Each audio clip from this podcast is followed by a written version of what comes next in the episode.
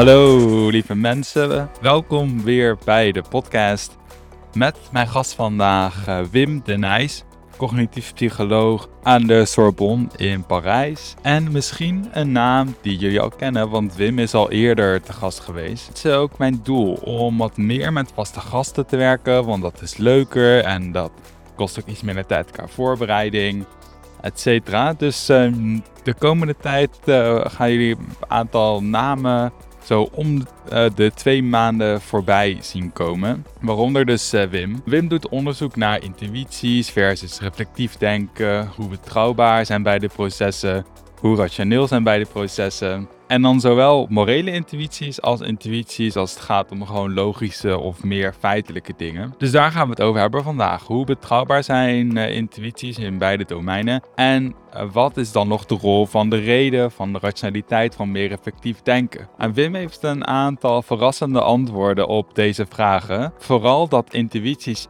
in beide domeinen eigenlijk betrouwbaarder zijn dan dat je vaak denkt. En ook dat de corrigerende rol van argumenten, uitleg en de reden ook nog eens groter is dan je vaak denkt. Dus um, hij schetst een redelijk positief beeld van onze rationaliteit in beide domeinen. Daar gaan we het vandaag over hebben. En ik begin met de vraag aan Wim of hij even kan uitleggen wat we nou in zo'n wetenschappelijke context bedoelen met een intuïtie. Veel plezier.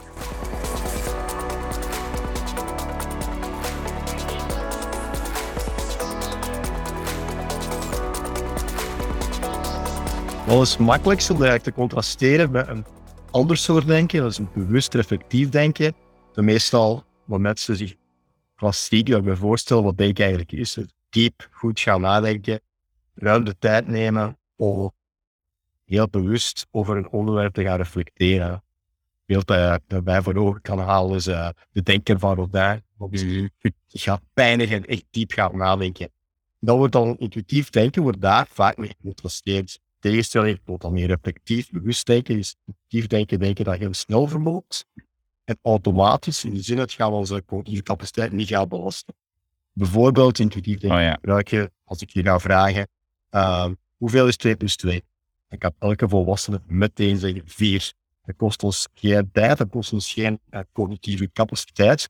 In tegenstelling bijvoorbeeld een kind van, van zes jaar, dan net begint te rekenen. Als je dan hoeveel is 2 is 2, gaat hij er wel heel diep reflectief moeten over nadenken om een antwoord te geven. Volwassenen, die berekeningen geautomatiseerd, dus puur intuïtie geworden, ga je meteen in een, een milliseconde kan je dat antwoord genereren en dat kost je ook geen moeite om dat te gaan doen. Hoeft zelfs je aandacht niet bij te houden. En andere voorbeeldjes, als ik mm. bijvoorbeeld vraag, was de voornaam van de koningin van Nederland. Ja, elke Vlaming in Nederland zeggen Maxima. als ik je bijvoorbeeld vraag, uh, wat is de naam van de uitvinder penicilline? Dan zal je dat antwoord geven. Dan ga je iets dieper moeten gaan nadenken om dat antwoord te geven. Dus op die manier wordt vaak binnen wetenschappelijk onderzoek over intuïties gedacht. Intuïties zijn een denkproces die heel snel verlopen, die geen cognitieve capaciteit vragen, dus die automatisch verlopen. Mm. En dat wordt dan gecontrasteerd met bewust reflectief denken. Dus denken dat meer tijd vraagt en meer capaciteit, meer moeite kost.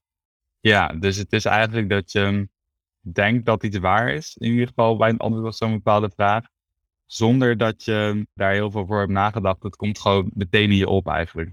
Ja, dat is ook wel een typische eigenschap van het intuïtief, snel automatisch denken, dat je meestal het gevoel hebt dat iets waar is inderdaad, dus dat je heel zeker van bent. On the spot wordt de antwoord gegenereerd. En iets wat je dan ook vaak ziet in die, ja, die denkstroom in de psychologie is dat dan, uh, dus dat onderscheid van, oké, je hebt intuïtief denken en heel, uh, ja, langzaam denken eigenlijk. En dan is een van de klassieke theorieën natuurlijk, oké, en dat intuïtief denken, dat is vaak minder betrouwbaar en dat, dat langzame denken is meer betrouwbaar. Maar, oké, ja, dus twee vragen eigenlijk. Dus zou je dat, die theorie even kunnen, kunnen uitleggen, uit de doeken doen? En mijn gedachte daarbij is altijd, maar eigenlijk is dat toch raar? Want in die voorbeelden van bijvoorbeeld die jij net gaf, 2 plus 2 is 4, uh, wat is de voornaam van de koningin van Nederland? Intuïtie gaf elke keer het goede antwoord. Ja, ja die theorie, uh, die heet dan de dual process theorie, twee proces theorie, die idee dat we twee verschillende systemen hebben, om die kunnen gebruiken om denken. Dus dat snel systeem, een intuïtief systeem en op trager, meer bewust reflectief systeem. En dan wordt er inderdaad vaak van uitgehaald een intuïtief systeem tot fouten kan leiden. En dat komt eigenlijk door de, de aard, het soort denktaken waar die we meestal gaan bestuderen. Dus een van, die, van de grote, de, de godfathers, zeg maar, van de grote namen binnen het onderzoeksdomein die, uh, die uh, theorie naar voren heeft gebracht, is Daniel Kahneman, psycholoog die een Nobelprijs heeft gewonnen. En die zijn onderzoek uh, gaat over heuristieken en, en vooral denkfouten binnen redeneren. Dat zijn heel bekende taakjes die heel bekend zijn geworden, waar het zo is dat je intuïtie vaak een verkeerd eerst antwoord gaat, uh, gaat chillen. Bijvoorbeeld als je je vraagt van uh, hoeveel dieren van elke soort nam Mozes mee op zijn ark? Dan is het eerder wat je denkt bij veel mensen twee. Natuurlijk is die vraag gewoon een foute vraag. Want het is de ark van Mozes, is de ark van Noah. Ja. En er zijn er heel veel uh, klassieke problemen waar je kan eigenlijk, eigenlijk gebruiken om, om aan te doen dat mensen hun eerste intuïtief oordeel eigenlijk foutief gaat zijn. Uh, ja. Nog mm. een klassiek voorbeeld is van, uh, stel je bent een, een, race aan het lopen. Je gaat de persoon die op de tweede plaats loopt voorbij. Op welke plaats mm -hmm. Ga jij dan lopen? Tweede. Ja, de meeste ja. mensen zeggen is eerste ja, plaats. Ja, ja, ja. Intuïtief denken van, oké, okay, een race. Een tweede, oké, okay, ik ga voorbij met ja. de gouden medaille, knap. Maar natuurlijk van, voor de persoon op de tweede, tweede plaats loopt, vergeten, loopt er nog iemand die op de eerste plaats loopt. Dus als jij de persoon die op de tweede plaats loopt gaat inhalen, dan loop jij natuurlijk op de tweede plaats, niet op de eerste plaats. Zo zijn er honderden, misschien duizenden voorbeelden hier van, van biases, wat je een denkfouten, die mensen heel gemakkelijk gaan maken, omdat je puur intuïtief denkt. Een van die kenmerken van intuïtie is dat je vaak enkel gewoon naar het algemene kader gaat kijken en niet naar de details. Bijvoorbeeld in dat voorbeeldje van Mozes. Ik kan je daar makkelijk mee misleiden. Waarom? Want het algemene kader wordt goed zit van Noah, Mozes, oké, dan bijbelse figuren, al het testament. Ja. Het zit er niet zo heel ver af natuurlijk. Voorbeeldje van de, de tweede plaats. Ja, het gaat over een race van de eerste, tweede plaats. Je gaat niet gaan zeggen op welke plaats loop je als een persoon. Als je die persoon op de tweede plaats wilt gaan inhalen, ga je zeggen, ja, de 300ste plaats bijvoorbeeld. Bij Mozes Mhm. ja, moest ik je vragen waarom de dieren van elke soort dan maxima mee. Ja, ah, dan zou je meteen want hm, die klopt niet snel. Nee. Ja. Die probleempjes zijn zo geconstrueerd. Als je weet hoe intuïtie werkt, kan je ook gaan testen en aantonen dat vaak mensen hun intuïties kunnen tot denkfouten leiden. Dus binnen dat domein, binnen dat soort Ja. is dat wel zo. En daar is heel veel onderzoek naar gebeurd. En zoals altijd in de wetenschap of in het dagelijks leven, wordt dan vaak veralgemeend en wordt er vanuit gaan, ah, oké, dus die intuïtief denken, dat is eigenlijk slecht, want dan gaat het fouten leiden. Want denkfouten wil vermijden, je moet echt diep uh, gaan nadenken, diep reflectief gaan denken, moet vragen gaan, denken, gaan denken, tijd nemen om goed uh, ja, dingen door te denken. En dat is natuurlijk niet altijd zo, zoals de voorbeeldjes waarmee we starten, want de, de vraag van hoe heet de koning van Nederland, van de steek steek, zijn ook allemaal antwoorden die je intuïtief kan genereren, maar die wel juist zijn. Dus het is zeker niet zo. En de, de mensen binnen het onderzoeks, in het onderzoeksdomein, die binnen die okay, procestheorie effectief onderzoek doen, die zijn zich daar ook heel goed van bewust en hebben daar in heel veel publicaties ook uh, voor gewaarschuwd van, hey, ga niet Mhm. zomaar van uit. We zeggen niet dat intuïtie, altijd fijn is. We spreken eigenlijk over deze context, die typische redeneertaak. Dus ja, daar kan je wel gaan aantonen, inderdaad, dat intuïties uh, vaak tot fouten leiden. Dat is een beetje het uh, achtergrond van waar het idee komt dat intuïties wel slecht zijn en diep denken beter is dan intuïtief denken. Ja, oké. dus, dus eigenlijk klopt dat onderzoek wel en daar is ook vaak voor gewaarschuwd, maar hoe het gepercipieerd is, zeg maar, hoe het ontvangen is, is vaak niet helemaal dan in overeenstemming met wat ook die onderzoekers zelf eigenlijk zeggen. Ja, zo. Kahneman wordt vaak uh, ja, afgeschilderd als de man die zegt dat intuïties slecht zijn, dat mensen Ja. altijd gebiased zijn, maar die man heeft een Nobelprijs gewonnen, die is veel te slim om zo'n simplistisch idee daarvoor te brengen. Dus die is heel goed bewust van het feit dat intuïties ook vaak tot goede resultaten kunnen leiden. Het gaat er gewoon om de specifieke context waar hij naar kijkt. Ja, iets wat je dan wel afvraagt is, ehm, zeg maar, die omstandigheden waarin je intuïtie dan misleid eh, wordt. Dus met die paar voorbeeldjes. Ja, is dat makkelijk ook om te doen met bijvoorbeeld op social media met uh, bepaalde advertenties of nepnieuwsberichten of wat dan ook? Of is dat echt, moet dat echt in het lab met, uh, ja, zeg maar dat je als wetenschapper daarover na moet denken? Of zie je dat in het dagelijks leven ook uh, gewoon regelmatig voorbij komen? Ja, dat is, dat is het, het goede eigenlijk al onderzoek van, uh, van bijvoorbeeld, is dat effectief ook in het dagelijks leven heel vaak voorkomt. Hmm. Een van de, klassieke biases die hebben bestudeerd heeft, is dat mensen die als een, uh, een waarschijnlijkheidsoordeel moeten vellen. Dus hoe waarschijnlijk is iets dat we dan eerder afgaan op hoe salient, hoe emotioneel iets is. En niet eigenlijk op uh, nooit gezien hoe vaak ik zich heb voorgedaan. Denk nou bijvoorbeeld als je mensen vraagt van, uh, is het veiliger om het vliegtuig te nemen of om uh, met, de, met de wagen te rijden? Dan denken vele mensen van, oeh, het vliegtuig nemen is gevaarlijk. Ze denken meteen aan vliegtuigcrashes waarbij honderden mensen tegelijkertijd sterven terroristische aanslagen. Nu, als je naar ja. logische feiten kijkt, dan is het zelfs niet, het is zelfs niet close geworden. Kans om de, een dodelijk ongeval met de wagen is veel groter dan de kans dat er ooit gaat opkomen in een vliegtuigongeval. Maar toch dat mensen zich uh, vooral gaan leiden op wat ze makkelijk voor de geest kunnen halen. Heel emotionele gebeurtenissen, dingen die vaak in het nieuws komen. Ja, dan gaan ze een waarschijnlijkheidsoordeel gaat daardoor dan misleid worden je hebt datzelfde bijvoorbeeld als je mensen mm vraagt van uh, wat is het gevaarlijkst? Uh, haaien of paarden? Wat is de kans het dat je ja, opbouwt? En ik heb mensen van ja, haaien zijn veel gevaarlijker dan paarden. Maar eigenlijk sterven er veel meer mensen tijdens het paardrijden dat er mensen sterven tijdens het zwemmen die aangevallen worden door een haai. Natuurlijk, als iemand uh. sterft, als hij van zijn paard valt, ja, dat gaat niet in de krant komen. Dat gaan, daar gaan we nieuws niet mee openen. Maar als er hier in Australië iemand door een haai wordt aangevallen, ja, dan alle media brengen dat verhaal. Dat is een kant Italiaans verhaal. Uh, en wij gaan onze herinnering beïnvloeden. En daarop gaan we ons waarschijnlijkheidsverhaal uh, baseren.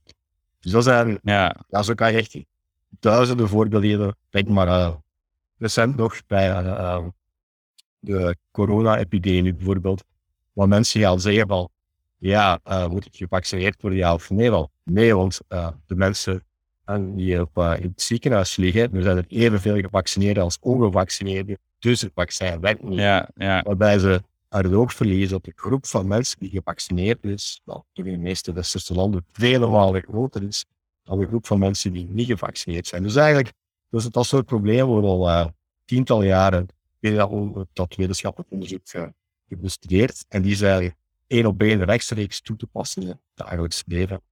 Ja, dat is wel heel gaaf en heel interessant ook. En um, want met die paarden en haaien, die kende ik nog niet. En toen dacht ik ook, ja, haaien. Maar je weet gewoon dat het nu in deze context erbij komt, dat dat niet het goede antwoord is. Maar, en uh, ja, inderdaad, met die andere van de corona, dat is nog wel het beste voorbeeld misschien. Want die kwam, uh, ja, ook hier in Nederland, dat uh, nou heel vaak voorbij. En dan, daar merkte ik dus, want ook mijn gevoel zei van, oh ja, dus dan, oh ja, eh, dat is raar, 50-50.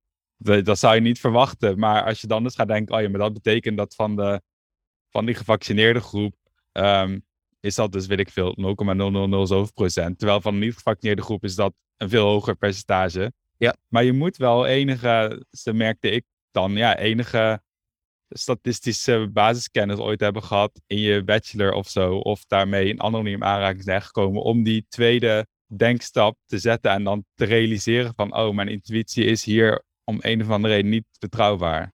Ja, alhoewel het basisprincipe natuurlijk, dat je moet de, de ratio's in rekening nemen, wel redelijk basis dat weer iedereen eigenlijk tijdens uh, ja. secundair onderwijs, vaak zelfs in de lagere school, principe op zich ja. kennen we allemaal. En dat maakt ook dat je eigenlijk, dat was een van de voorbeelden ik zelf vond, dat je zelfs als mensen misleid worden of een foute conclusie trekken, het vrij eenvoudig is om, om, om uh, zo duidelijk te maken, oh nee, nee, kijk, van, dit moet je, zo moet je bekijken. En ja, dan is het, uh, als het plaats een, een klontje dat vaccin wil, maar doen. Ja, dat vind ik ook wel een van de hoopgevende dingen uit uh, deze onderzoeklijn. Dat daar ook veel onderzoeken, ook van jou volgens mij, dat als je dan dus mensen uitlegt of laat inzien wat het goede antwoord is, waarom het niet klopt, dat dan En hier is het natuurlijk ook weer het voorbeeld dat degenen die dat dan niet accepteren, natuurlijk het vaakst in de media komen en zo. maar dat vaak als je het mensen uitlegt ehm, en laat zien van nee, percentages, uh, baseline, et cetera, dat ze dan denken, oh ja, ehm, dat dat wel effectief is en gewoon zin heeft. Ja, ja dus gebeurt ja, vroeger ook al wel heel veel onderzoek, maar zeker de laatste jaren, meer dan wel vier. Er gebeurt heel veel rond rond uh, kunnen we mensen trainen, kunnen we mensen deep biasen. Dat vond ik een mooi woord. Ja. En dat blijkt ook wel te zijn, uh, als je kijkt naar die eenvoudige neertaken, waarbij we spreken over redelijk eenvoudige principes, zoals bijvoorbeeld een ratio-principe, dat je misschien niet meteen gaat toepassen, maar dat je ooit wel uh, geleerd hebt en wel kent. Ja, dan, dan ontstaat eigenlijk een hele korte interventie waarbij je mensen gewoon vijf puntjes schetst van je kijk van dat dit was eigenlijk want je moet de ratio meer rekening nemen. Die volstaan om mensen dan uh, het juiste antwoord te laten, te laten genereren. Dat werkt natuurlijk in de context bij die problemen waar mensen dat basisprincipe al ooit hebben geleerd. Ja. Dat betekent niet dat als je bijvoorbeeld uh, mensen wil leren hoe ze nucleaire fysica moeten gaan doen, dat je dan in vijf minuten even kan uitleggen hoe het werkt, vandaar dat ze geen voorkennis hebben ons. Ja, ja. Um, Oké, en even een kleine switch naar een ander onderwerp, want uh, dat was ook eigenlijk het, het idee van dit gesprek. Um, dus in, uh, in moraliteit en ethiek en zo heb je ook dat, dat beeld van, um, oké, intuïties die zijn uh, minder ja, betrouwbaar. Is dan, en daarna geven we de vraag wat dan hier, zeg maar, de criterium of de benchmark is. weet je wel, want die, die, die ga naar onze tribale groep of zo en niet naar iedereen, naar alle mensen, et cetera. Dus we hebben dan ook weer de, de reden of dat bewust nadenken nodig om te zorgen dat we ja, moreel betere beslissingen nemen als het gaat om, weet ik veel, klimaatverandering of uh, dat soort dingen of vluchtelingenopvang. Want intuïtief denken we eigenlijk eerder aan onszelf of aan onze eigen groep van nee, dat moeten we niet doen ja, daar heb ik geen zin in. En dan hebben we de reden nodig om dat ja, te overrulen eigenlijk. Maar hier is ook nog maar de vraag of dat klopt, uh, toch? Ja, dus ook uh, binnen, ja, ook binnen onderzoek naar uh, rond moreel denken wordt ook vaak die twee-procestheorie toegepast. Wordt ja, de kader van intuïtief versus meer reflectief denken wordt vaak gebruikt om er onderzoek op te doen of theorieën rond te bouwen. En dus een bekende theorie van, van Josh Green, die heeft die voorgesteld. Een twee-procestheorie van moreel denken, waarbij hij ervan uitgaat dat ja, ons intuïtief systeem gaat vaak wat men noemt deontologische beslissingen gaan, gaan beslissingen waar je enkel kijkt naar de waarde van de morele actie op zich. En als je dan meer reflectief gaat denken, dan ga je vaak ook de gevolgen van je acties kunnen gaan in rekening brengen. Dat heet algemeen utilitaristisch denken. Klassieke voorbeeld, ja. probleem dat vaak gebruikt wordt, is het, uh, het trolley-dilemma. Dat je een, uh, een, aantal mensen waarbij gaan uh, gedood worden, als er niks gebeurt, weet je, oké, okay, vijf mensen gaan sterven, er zijn een trolley op het spoor, mensen die zich op het spoor, dat kan je niet waarschuwen, als je niks doet, gaan die vijf mensen sterven. Maar je hebt dan een mhm. optie om die trolley naar een zijspoor te laten gaan, waarbij dat enkel één enkel persoon gaat sterven op dat spoor met ja. één persoon. Dus als je dan een, een wissel gaat activeren, dan kan je ervoor zorgen dat die vijf eerste mensen gered gaan worden, maar dan gaat wel die ene andere persoon gaan sterven. Dan is de vraag, is het eigenlijk moreel aanvaardbaar om dan die wissel te activeren en die ene persoon te laten sterven? Als je dan puur deontologisch gaat zien, dan ga je zeggen van nee, want mensen doden is onaanvaardbaar. Dus ja. het is niet moreel om die wissel te gaan activeren. Maar als je naar de gevolgen gaat kijken, kan je zeggen, ja, het is niet fijn dat die ene persoon gaat sterven, maar door die te laten sterven, kan ik er wel vijf anderen redden. Dus als ik naar het grotere goed kijk, vijf levens redden versus één leven, ja, dan kies ik gewoon voor de vijf mensen, want de gevolgen, die leiden ertoe dat ik kan verantwoorden dat dat een, uh, de juiste beslissing is. Dus daar waar je theorie van intuïtief denken is dat heel is, waar mensen gewoon emotionele reactie hebben van nee, want vermoorden is altijd fout, onjuist, is onaanvaardbaar. Als je dan wil die gevolgen in rekening kan brengen en die dat utilitaristisch perspectief kan nemen en zeggen, ja, oké, okay, maar spijt me dat die ene persoon moet sterven, maar ik kan wel vijf personen meer redden. Dat was uh, Queen's idee. Daarvoor heb je eigenlijk rationeel, reflectief denken nodig. Dat dan het eerste emotioneel, deontologisch oordeel gaat corrigeren. Dat je effectief gaat zeggen, ja, spijt dat die ene persoon gaat, gaat sterven. Maar ik red er vijf personen mee, dus ik ga toch voor die, uh, voor die beslissing halen. Dus moreel te verdedigen als een goede beslissing. Ja, ja. Ja, oké. dus um, intuïtie is dan is meer wat dan heet deontologisch. Dus gewoon je kijkt naar de actie en dat is, je vermoordt één iemand en dat is slecht, dus niet doen. Ja. En uh, de, meer reflectief nadenken is meer utilitaristisch. Dus dat is eigenlijk, ja, uh, in niet-filosofische termen gewoon, je kijkt gewoon naar alle voor- en nadelen naar, van de gevolgen. En dan ja. kijk je, ga je alles, ja, alles meenemen om te, te kijken wat is de, de beste beslissing. Ja, en okay. daar initieel, toen die eerste studies binnen dat paradigma verschenen, was er wel wat evidentie dat die uh, mensen die zo'n deontologische beslissing namen, die zeiden van nee, uh, het is niet uh, aanvaardbaar dat die, uh, die persoon laten sterven, mag je niet doen. Uh, die gaven veel sneller een beslissing dan mensen die zeiden, ja, het is eigenlijk wel een goede beslissing en we moeten ervoor kiezen om de ene persoon te laten sterven, omdat we daardoor die vijf anderen kunnen redden. Die hadden dan voor meer tijd nodig om een beslissing te nemen.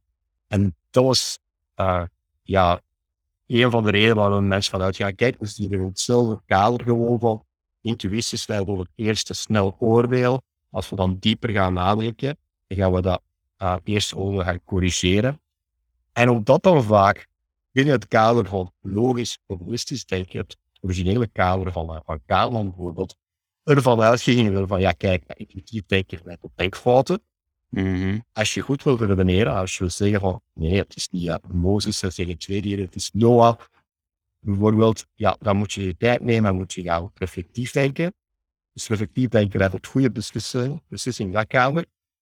Daarom wordt er ook bij, of soms, uh, binnen het kader van mm-hmm. moreel denken, ook vanuit gaan, aha, dus die reflectieve beslissingen, dat zijn eigenlijk de goede beslissingen. Dus we hebben hier eigenlijk een, oh, ja. kunnen er normatief van uitgaan.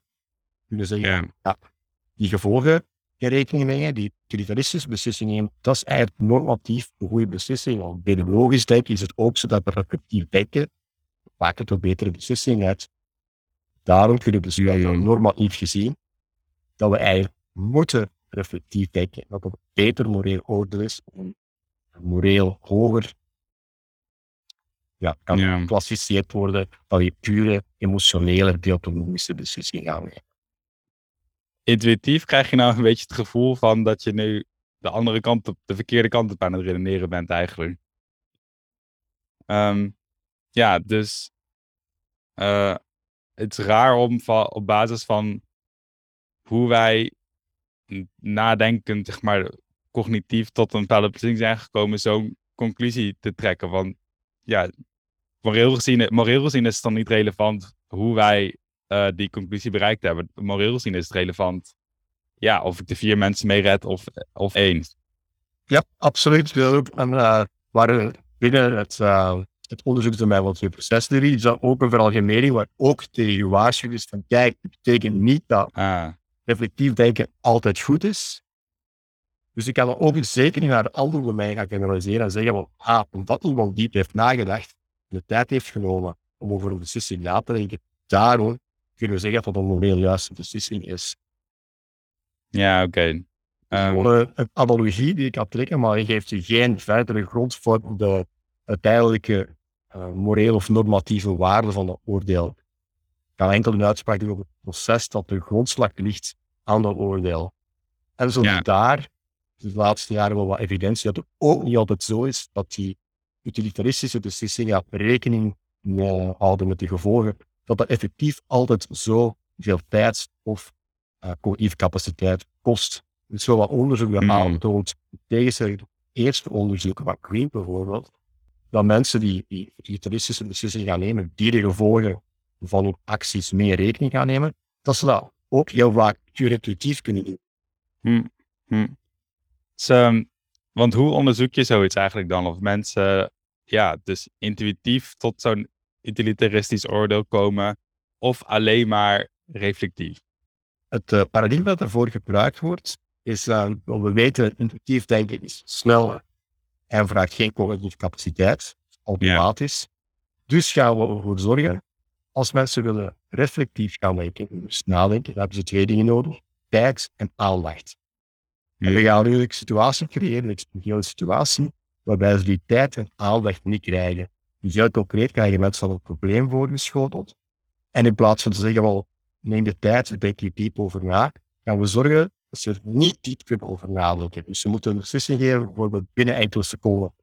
Ze krijgen een probleem te lezen en we weten, normaal gezien, neemt mensen ongeveer een half minuutje nodig, dus daar ja, graag over nadenken.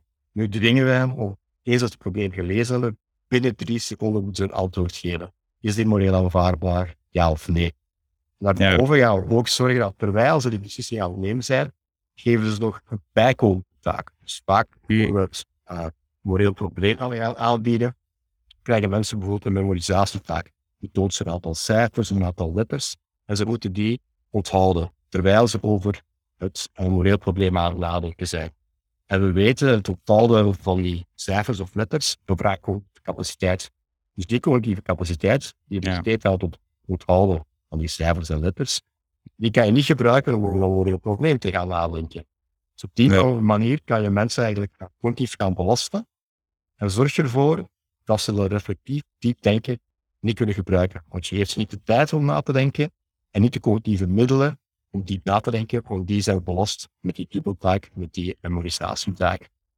Dus zo kan je een experimentele situatie creëren waarbij je weet van oké, het antwoord dat mensen nu gaan geven, ja, daar hebben ze niet kunnen over nadenken. Dat is puur intuïtief dat ze we moeten redeneren hier.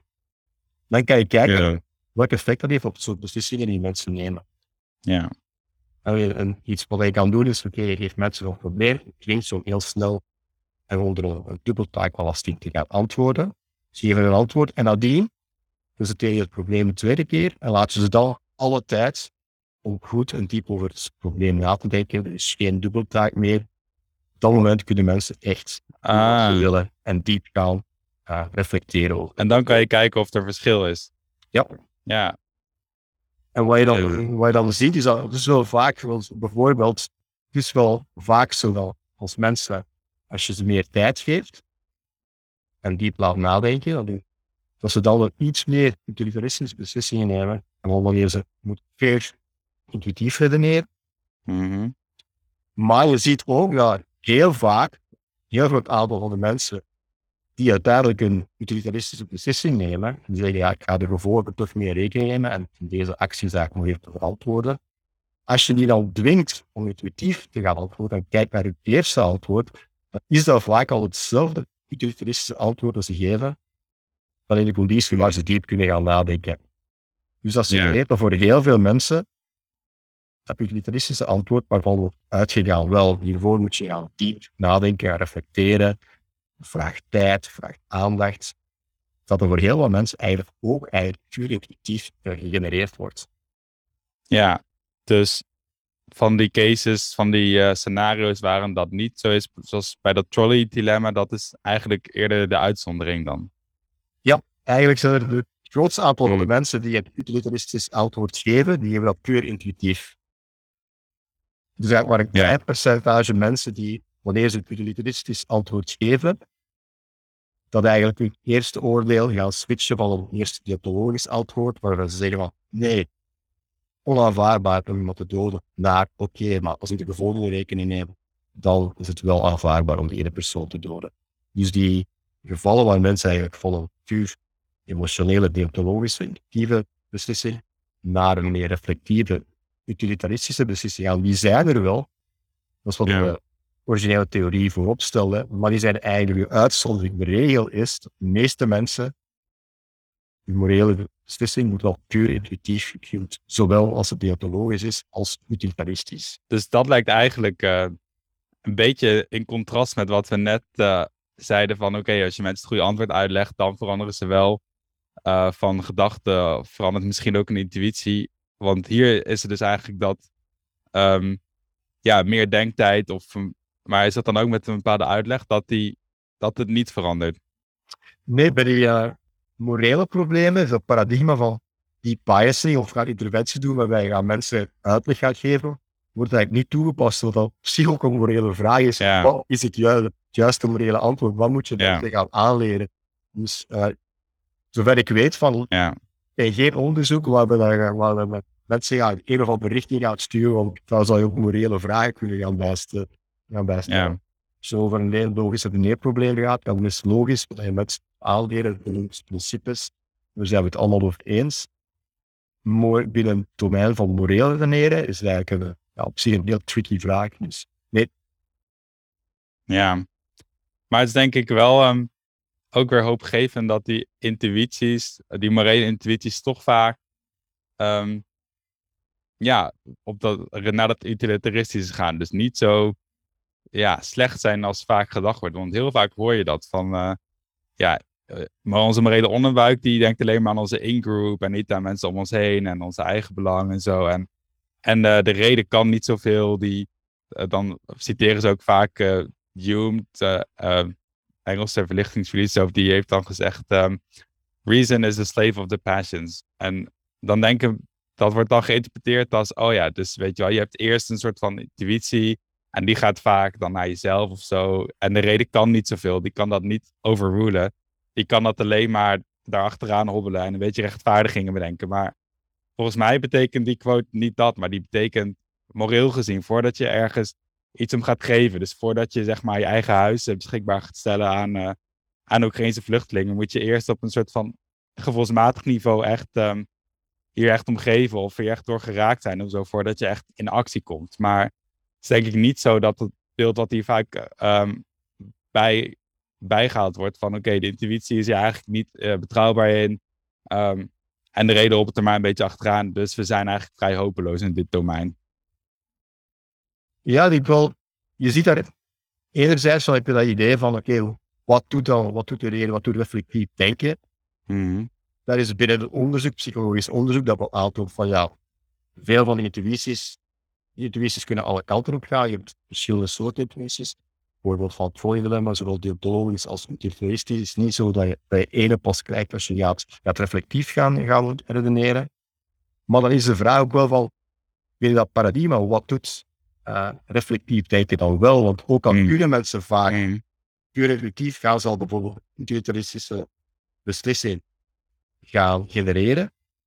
Toch zie je vaak dat mensen dan toch nog altijd de tijd nemen om wat als ze de mogelijkheid krijgen om verder na te denken over dat probleem. Ook al geven ze dan uiteindelijk toch exact hetzelfde antwoord. Ja, Dus de vraag is eigenlijk, Ja. waar, waar dient die, die reden of waarom, waar, waartoe dient dat reflectief denken? Dus het feit dat mensen een bepaald antwoord al intuïtief kunnen genereren, betekent niet dat die, dat redeneren, dat reflectief denken, nergens toe dient. En ik zelf interpreteer die quote van Jung ook in, in deze. Bijvoorbeeld, wat je in onderzoek ook wel vindt van, met die eh, morele eh, dilemma's bijvoorbeeld, is dat mensen inderdaad wel een bepaalde beslissing intuïtief kunnen genereren. Dus die gaan zeggen van ja, ik vind het aanvaardbaar dat deze persoon wordt gedood, ja of nee. Maar als je dan aan mensen vraagt van ja, en waarom vind je dat nu eigenlijk aanvaardbaar? Mhm. Dan zie je wel een verschil tussen beslissingen die intuïtief of reflectief zijn gegenereerd. Dus Mhm. vaak als mensen bijvoorbeeld een uh, utilitaristische intuïtieve beslissing nemen, dus gewoon als ze ze heel snel moeten een antwoord geven onder collectieve belasting, zeggen van ja, het is aanvaardbaar om deze persoon te doden om vijf anderen te redden. En je gaat dan vragen, waarom is het eigenlijk aanvaardbaar? Dan zie je dat mensen na dat puur intuïtief denken moeite mee hebben om een antwoord te genereren, dus om een, Ja, een verantwoording te geven.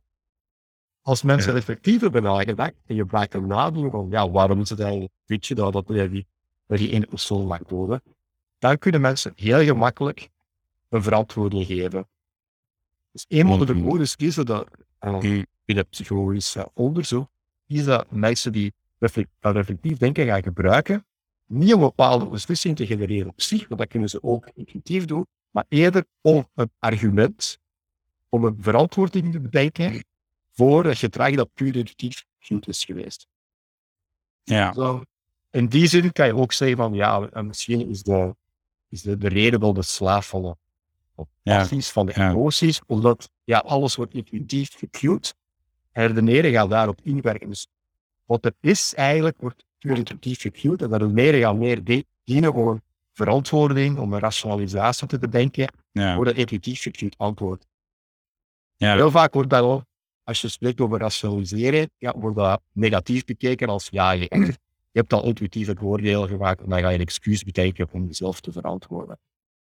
Maar dat is eigenlijk een heel, heel belangrijk proces in communicatie, in de samenleving. Natuurlijk, als jij gewoon een bepaalde intuïtie hebt en ik vraag je, waarom denk je dat het goed is? Waarom moet je dit doen? En ik zeg, ja, ik heb het gewoon aangevoeld. Het is mijn intuïtie. Mhm. Het is wel moeten doen.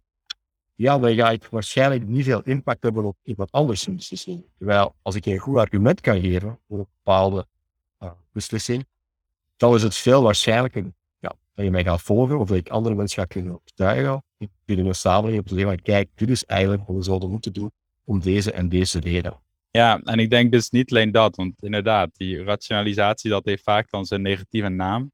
Maar het is volgens mij ook zo um, dat je uit onderzoeken ziet dat, oké, dus wat die rationalisatie vooral doet, vooral als je in je eentje aan het nadenken bent, is inderdaad, is redelijk eenzijdig. Dus je, gaat, je hebt een intuïtie en natuurlijk vooral helemaal van die morele zaken zal het misschien wel nog meer zijn. En dan ga je argumenten bedenken voordat je, die jouw intuïtie ondersteunen. Um, dus dat is, daar zit een bepaalde bias in, want je, zit, je gaat vooral argumenten aan één kant bedenken, namelijk van jou. Want ja, je moet dadelijk gaan uitleggen aan andere mensen waarom je dit vindt. Um, maar je ziet ook wel, als dan dus, ik heb al mijn rationalisaties bedacht en dan ga ik die aan jou uitleggen. En als jij dan uh, mij weet te overtuigen dat al die rationalisaties eigenlijk niet goed zijn, kan ik daardoor wel ook echt van mening veranderen. Ja, exact. Ja. Dat is wat je krijgt bijvoorbeeld binnen een sociale setting, als je mensen laat argumenten genereren. Ja, wat mensen gaan doen, dan zullen we gaan beginnen debatteren en argumenten pro en contra uitwisselen. En dan kan je inderdaad op die manier uh, ja, ook een, een hele groep gaan beïnvloeden. Daar is wel binnen logisch denken ook heel veel onderzoek naar hoe werkt dat. Binnen een netwerk, als je bijvoorbeeld legt iemand, iemand uh, een groep van 20 mensen, uh, krijgen een bepaald probleem, ze moeten een antwoord geven. Oké, okay, dan laat je mensen gewoon onderling communiceren en argumenten uitwisselen. Wat je dan ziet, dat als er binnen die groep één iemand is die het goede antwoord weet en daar argument kan voor geven, dan verspreidt dat goed argument zich heel snel binnen de groep. En heel snel gaat de hele groep nu het probleem correct oplossen. Kunnen ze een argument voor geven. Als ze naar die vergelijkbare argumenten of problemen krijgen, dan kunnen ze die ook correct oplossen. Dus die argumentatie werkt echt wel als je mensen laat argumenten, verantwoordingen uitwisselen. Dan helpt dat wel om beter te laten redeneren binnen een logische context. Ik heb zelf geen weet van onderzoek in die richting binnen moreel denken, maar je zou hetzelfde principe uh, kunnen gaan toepassen van als we kunnen ideeën, argumenten uitwisselen, want ja, dan kunnen we dat gebruiken om tot een, een beter oordeel te komen. Ja, ik vind uh, de boodschap dat het argument uitwisselen uh, werkt wel een mooi hoopgevend einde voor het gesprek. Oké, okay. ja, dus het spijtig is dat er ook binnen morele, maar morele psychologie, er vaak toch wordt negatief bekeken. En dat is ook een hele onderzoekstraditie rond. Uh, ik kan misschien heel even iets over zeggen. Uh, ja hoor. Dat is een heel bekend onderzoek van Jonathan Haidt rond moral dumbfounding. Uh, Mm. Dus eigenlijk gaat erover dat je moreel sprakeloos bent. Dat vaak mensen geen argument kunnen formuleren waarom ze een bepaalde intuïtie hebben. Klassieke voorbeeld is dat je vertelt mensen het verhaal van oké, okay, we hebben een broer en een zus, al twee meerderjarig, ze gaan op reis naar, uh, naar Parijs en ze hebben daar seks samen, broer en zus. Maar ze zijn al twee meerderjarig, ze willen al twee een heel fijne ervaring en ze gebruiken ook voorboedsmiddelen, dus zeker dat er geen, al, gaan geen kinderen um, geboren worden. En zo al twee een heel fijne ervaring. Is het dan moreel aanvaardbaar, ja of nee, die broer en zus seks hebben? Maar heel veel mensen dan zeggen van, ja, nee, dat is fout. Dus we hebben een heel sterk emotionele Mm. die reactie te zeggen, het is fout. Als je dan mensen vraagt, dan het is een onderzoek, een heel beroemd onderzoek, nou, van, ja, waarom is het dan fout? Geef argumenten. Dan krijg je dat fenomeen van moral dumbfounding, dat mensen eigenlijk geen argumenten kunnen geven waarom ze dat uh, ja, niet aanvaardbaar vinden. Dus je gaan zeggen, ja, uh, ja, maar uh, misschien uh, als ze een kick krijgen, dan wat je genetische problemen hebben, maar dan heb je het daar een meevalt. Want ze gebruiken voorboedsmiddelen, dus we zijn zeker dat er geen kinderen kunnen gooien. Ze worden altijd fijn. Dus op die manier, dan zie je dat mensen geen argument kunnen geven voor een inhibitie. En dan wordt al vaak gebruikt van, zie je wel, van uh, daar meer effectief denken van, uh, heeft niet zoveel waarde, want mensen hebben gewoon effectief en ze gaan wat gewoon gaan volgen.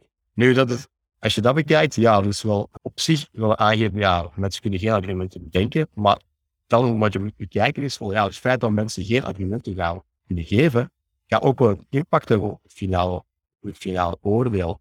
Dus je mensen effectief mm. maakt van, is dit moreel aanvaardbaar? incest, mogen die broer en zus seks hebben, is aanvaardbaar. Gaan we misschien niet zeggen, nee, dat mag niet. Maar als je dan merkt van, ja, eigenlijk zijn hier geen argumenten voor, ja, dan kunnen wel mensen gaan naar die, oké, ja, ik vind het misschien geen fijne gedachte, maar het is niet fout. Het is ja, niet, bijvoorbeeld, ik ga die zus niet gaan veroordelen in een rechtbank. Dus het gebrek aan expliciet argumenten, mm zwaar, soms kunnen mensen misschien geen argumenten of geen verantwoording geven, maar het gebrek daaraan kunnen mensen daar ook gebruiken. Te gaan zeggen, ja, oké, dus dan moeten we het ook niet veroordelen. Laten we dit gedrag doen, bijvoorbeeld. Dus op die manier denk ik dat ook wel moet bekijken om te zeggen, van, ja, soms is het spijt dat je geen argument geven, kan je gebruiken om al een bepaald gedrag toch als aanvaardbaar te zien of niet te gaan bestraffen. Ja, oké, dus dan is eigenlijk, je hebt dan weer zo'n intuïtie en dan ga je rationalisaties of argumenten voor je, waarom jij dat denkt vinden en dan als je merkt dat dat niet lukt, kan je alleen daardoor al ook van gedachten ja, komen. exact. dat is eigenlijk een belangrijke factor, vind ik zelf, om, om mee te nemen in de denken. Ja. Wat is rationaliseren? Want ja, het gaat er vaak over argumenten geven. Ja, soms kunnen mensen geen argumenten geven, maar het feit dat je geen argumenten vindt, kan dan ook een impact hebben op de uh, uiteindelijke beslissing, je uiteindelijke oordeel of je uiteindelijke evaluatie. En dus ook een rationeel goed proces uiteindelijk. Ja, precies. Dus het is allemaal nog niet zo hopeloos als dat, uh, dat het zou lijken. ja, daar uh, sluit ik me graag bij aan. Ja, mooi. Um, nou ja, Wim, weer bedankt. Graag gedaan. En um, ja, tot over twee maanden of zo. ja, dat is heel goed. Ja. ja.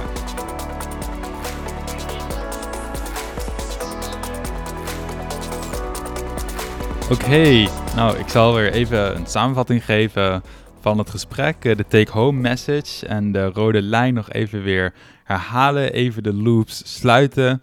Even weer terugkomen op het begin. Zoals dat hoort. Dus uh, we begonnen met logische intuïties. Intuïties in dat domein. In bepaalde situaties zijn die te tricky en onbetrouwbaar. En dat komt dus ook in het, in het uh, echte leven voor. Zoals met die IC-bezetting uh, in coronatijd. Maar het goede nieuws daar is dat deze situaties niet de, de regel zijn. En vooral dat um, in die situaties mensen redelijk trainbaar zijn. Dus als je dan het goede antwoord uitlegt, en zoals Wim zei, die interventies zijn vaak maar vijf minuten, dan hebben ze al het goede antwoord. Dus um, goed nieuws daar. En dan in het morele domein zagen we eigenlijk dat intuïties vaak al betrouwbaar zijn. Die geven al het, het utilitaristische antwoord, zeg maar. Maar ook dat uh, als we dan argumenten geven onze intuïtie uh, en andere mensen vallen die argumenten aan, we alsnog van gedachten kunnen veranderen, ook al hadden we niet die intuïtie. En, en die effectiviteit van de groepscontext zag je dus ook nog weer bij die logische puzzels. Als je dan in een groep iets moet oplossen en zeg maar één iemand heeft het goede antwoord en die kan het uitleggen met een goed argument aan de rest, dan stellen ook die hun standpunt bij. Dat was heel kort het hoopgevende en optimistische verhaal dat ik uh, jullie in deze aflevering heb willen vertellen. En um, ja, dan spreek ik jullie een volgende keer.